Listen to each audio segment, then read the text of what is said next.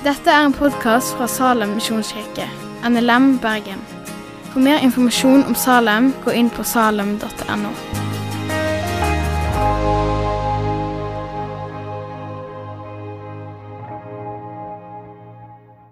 Kjære gode far.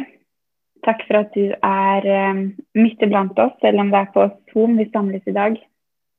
Så jeg om at eh, ordet jeg skal tale nå, at det skal være din ord, Gud, at det skal være ord til oppbyggelse. I ditt navn. Amen. Ja, og det er jo Maria budskapsdag i dag.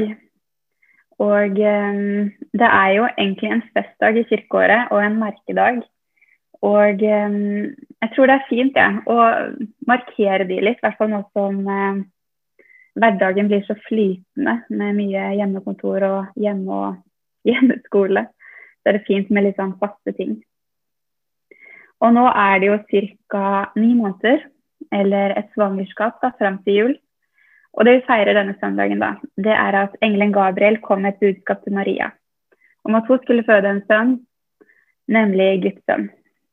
Og søndagens tekst som ble lest innledningsvis fra Lukas, det er en lovsang av Maria. Og Det er jo en tekst jeg har lest før, men aldri ordentlig stoppa opp ved eller lagt merke til. Og kanskje er det ikke en tekst vi har fokusert så mye på i våre sammenhenger. Mens i andre kirkesamfunn så brukes den faktisk en del i liturgien. Og det er en sang som tradisjonelt er brukt veldig mye. Og Marias lovsang er også en del av de klassiske tidebønnene. Som altså vil si at um, fra gammel tradisjon så er det faste tidspunkt om dagen der man ber, med liksom faste elementer da de inneholder. Og Marias lovsang er da en fast del av kveldsbønnen. Og dette med tidebønn det står kanskje litt sterkere i den katolske kirke.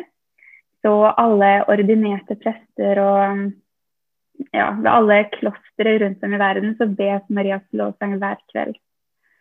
Og hvis du ser da, ved fotnotene til bibelteksten, så er det kjempemange henvisninger til Det gamle testamentet. Um, og Maria var jo vokst opp jødisk, og hun hadde jo sikkert hørt uh, de hellige skriftene fra hun var barn. Og teksten har veldig mange likhetstrekk med lovsang til både Miriam, Deborah og Hanna i Det gamle testamentet. Når Maria bryter ut i lovsang, så henter hun elementer fra ting hun har hørt fra barndommen, og velger å ta det med i sin lovsang. Så dette kan gi oss en frimodighet til å kanskje i større grad bruke bibeltekster i bønn, og til opprisning og tilbedelse. Og selv hvis man tenker da, at en bønn kanskje skal inneholde tre hovedting, da, som um, takk og forbønn og tilbedelse, så er det kanskje den tilbedelsesdelen jeg syns kan være litt vanskelig. Og da er det masse godt å hente fra Bibelen. Da kan vi få litt frimodighet til det. Så hvis du f.eks. skal be Marias lovsang i kveld eller en annen kveld, så kan du tenke på at det er noe du gjør sammen med kristne søsken fra hele verden og på tvers av kirkesamfunn. Og eh, Marias lovsang det er en sterk tekst og en vakker lovsang.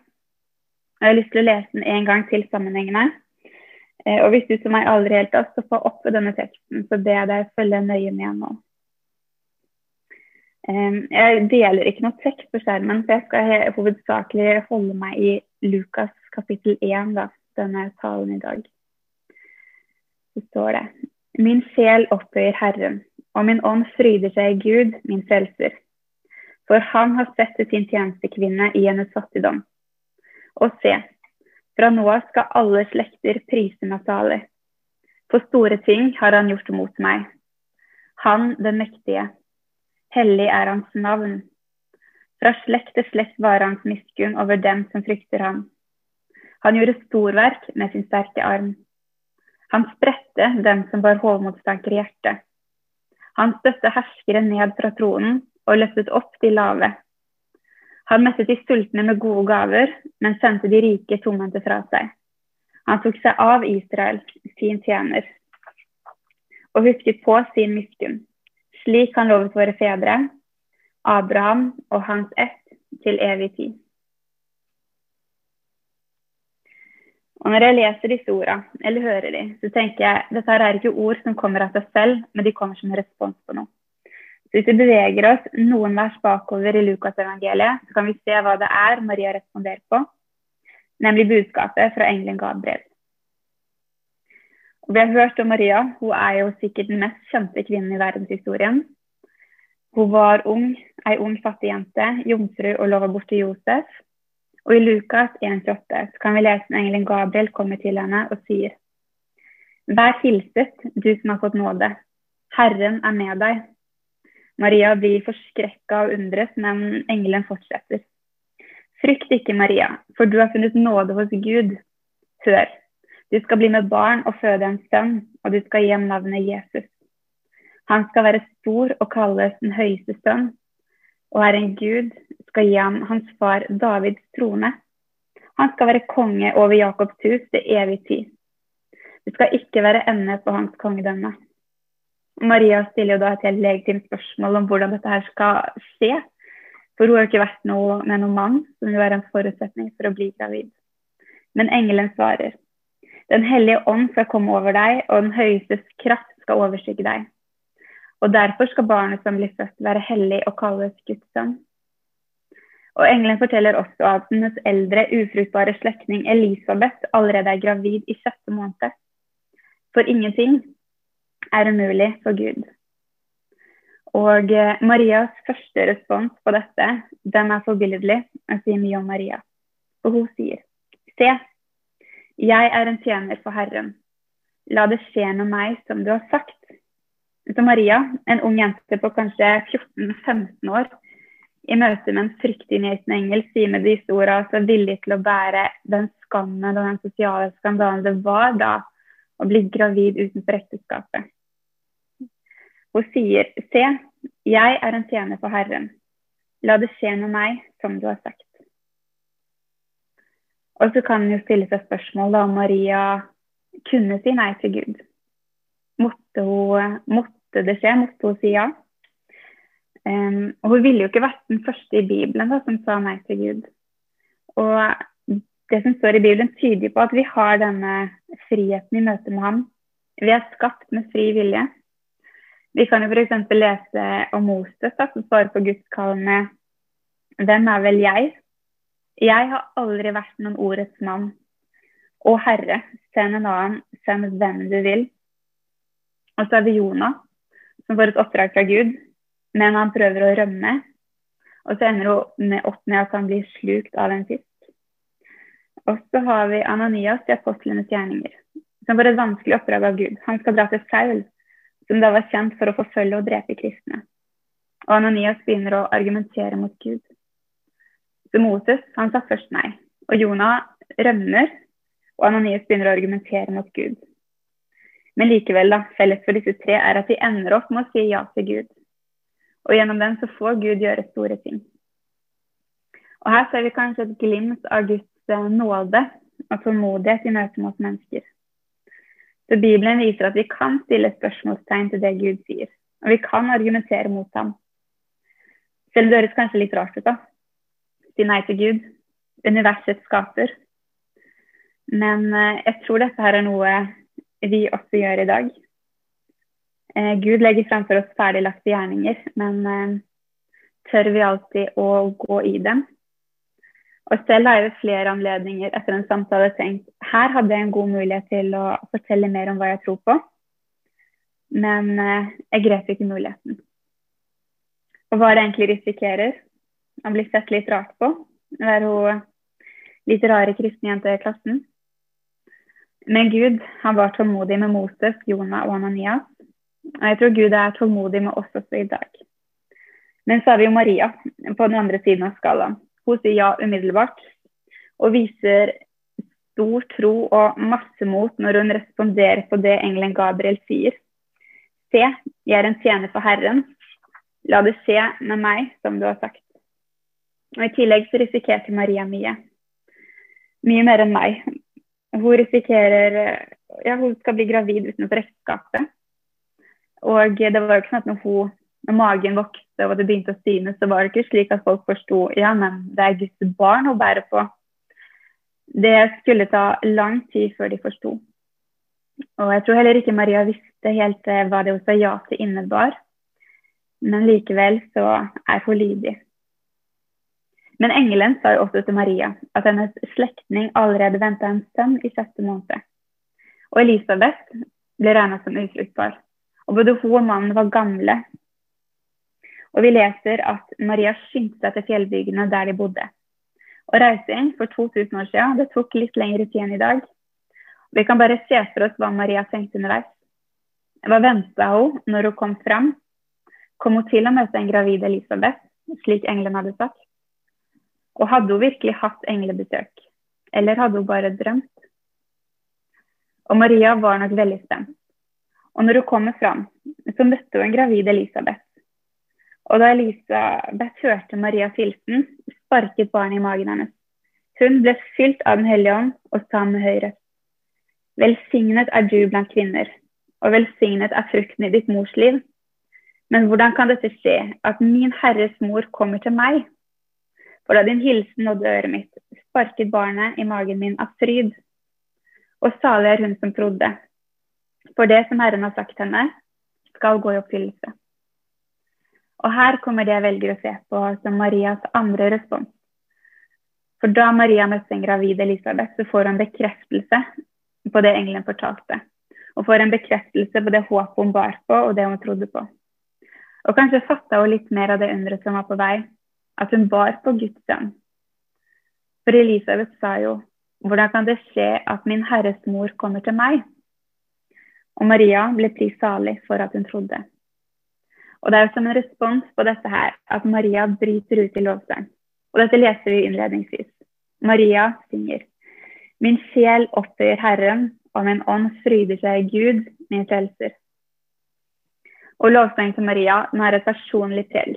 Det er Marias lovsang til Gud. Det er med hennes erfaringer og med hennes tidsbilde. Maria fryder seg i Gud. Og det er mye som kan få oss til å fryde oss eller gjøre oss glade. Men det beste, det er når det er i Herren vi gleder oss. Og Paulus understreker dette. Han sier flere ganger 'gled dere i Herren'. Og han sier også i Filipperne 3.1 at det skal gjøre dere trygge. Og i Nehemia 8,10 så sier Østra For glede i Herren er deres styrke. Og så kan man jo da lure på hvordan det egentlig ser ut å glede seg i Herren. Og det kan nok se veldig forskjellig ut, og kanskje ser man det heller ikke alltid på folk. Men det henger nok sammen med en slags eh, opphøyning eller tilbedelse av Gud og en visshet om at det er han som har makten. Og jeg tror ikke en slik glede eller en fryd kunne ha forbeholdt de enkle periodene av livet. Paulus selv satt jo i fengsel han skrev dette. Og kanskje er det dette som kan hjelpe oss gjennom de tøffe tidene. For det skal gjøre oss trygge, og det skal være vår styrke, sier, sier de. Og videre så fortsetter Maria. For han har sett sin tjenestekvinne i fattigdom. Og se, fra nå av skal alle slekter prise meg salig, for store ting har han gjort mot meg, han den mektige. Hellig er hans navn. Gud, han er mektig og hellig. Og Maria viser her ydmykhet, og hun ser på seg selv som Herrens tjenerinne. Og her er hun et stort forbilde. Og dette er noe kristne, vi kristne også bestreber etter. Og det er også de samme ordene Paulus bruker når han selv kaller seg selv for Kristi tjener. Og Maria sier at alle slekter skal prise hennes taler. Men dette er ikke noe hun sier i stolthet eller i hovmod. Det er Herren, det er Gud hun har i fokus. Det er Han som er den mektige. Det er hans verk. Og hun er ikke opptatt av eh, hva hun gjør for Gud, men hva han gjør mot henne og gjennom henne. For det er den ydmyke Gud i nåde, og det er han som skal vokse, og det er vi som skal avta. Og så fortsetter Maria, da. Fra slekt til slekt varer hans miskunn for dem som frykter ham. Han gjorde storverk med sin sterke arm. Han spredte dem som bar hovmotstanker i hjertet. Han støtte herskere ned fra tronen og opphøyet til lave. Han mettet de sultne med gode gaver, men sendte de rike tomhendte fra seg. Og her minner jo nesten sangen mer om en uh, politisk frigjøringssang. Og her lengter jo teksten Maria lengter etter rettferdighet og har en tro på at Gud en gang skal hevde denne rettferdigheten. Og disse versene viser kanskje litt eh, av hva Marias tanker om Jesus som skal komme, og hva hans oppgave på jorda er. For Maria synger om en Messias som opphøyer de lave og metter de sultne, men sender de rike tomhendte bort. Så hun snur opp ned på alt. Han snur opp ned på alt og får oss til å måtte tenke nytt om menneskelig struktur og verdier. For Jesus, kongenes konge, han blir født eh, i en stall med gjetere som gjester. Han blir født av en fattig, umyndig hebreerjente. Og hvordan samfunnet i dag rangerer mennesker. Dette er uviktig i Guds øyne. Og her må jeg selv gå rundt med meg selv og tenke ja, og ta meg selv i hvordan jeg kan sette mennesker i båt. Men Jesus snur opp ned på det, for de siste skal bli de første. Og den som setter seg selv lavt, han skal settes høyt. Og han formaner oss til å ta på oss tjenerskikkelse. Og Det som også er fascinerende med disse versene til Maria, er at de opp igjennom historien har blitt sett på som farlige blant dem med makt. Og Da India var kolonisert av britene, så var det forbudt å synge Marias lovsang i kirkene.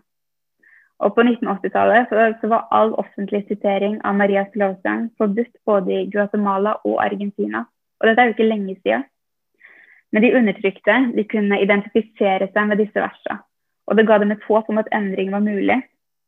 Dette er til styresmaktenes frykt. Um, så urettferdighet og undertrykkelse det skapte nok en lengsel etter rettferdighet hos Maria, og en rettferdighetstro. Og Jesus selv sier jo salige er de som hungrer og tørster etter rettferdigheten. Så er det oss, da, som bor i den rike, privilegerte delen av verden hva tenker vi når vi leser dette her?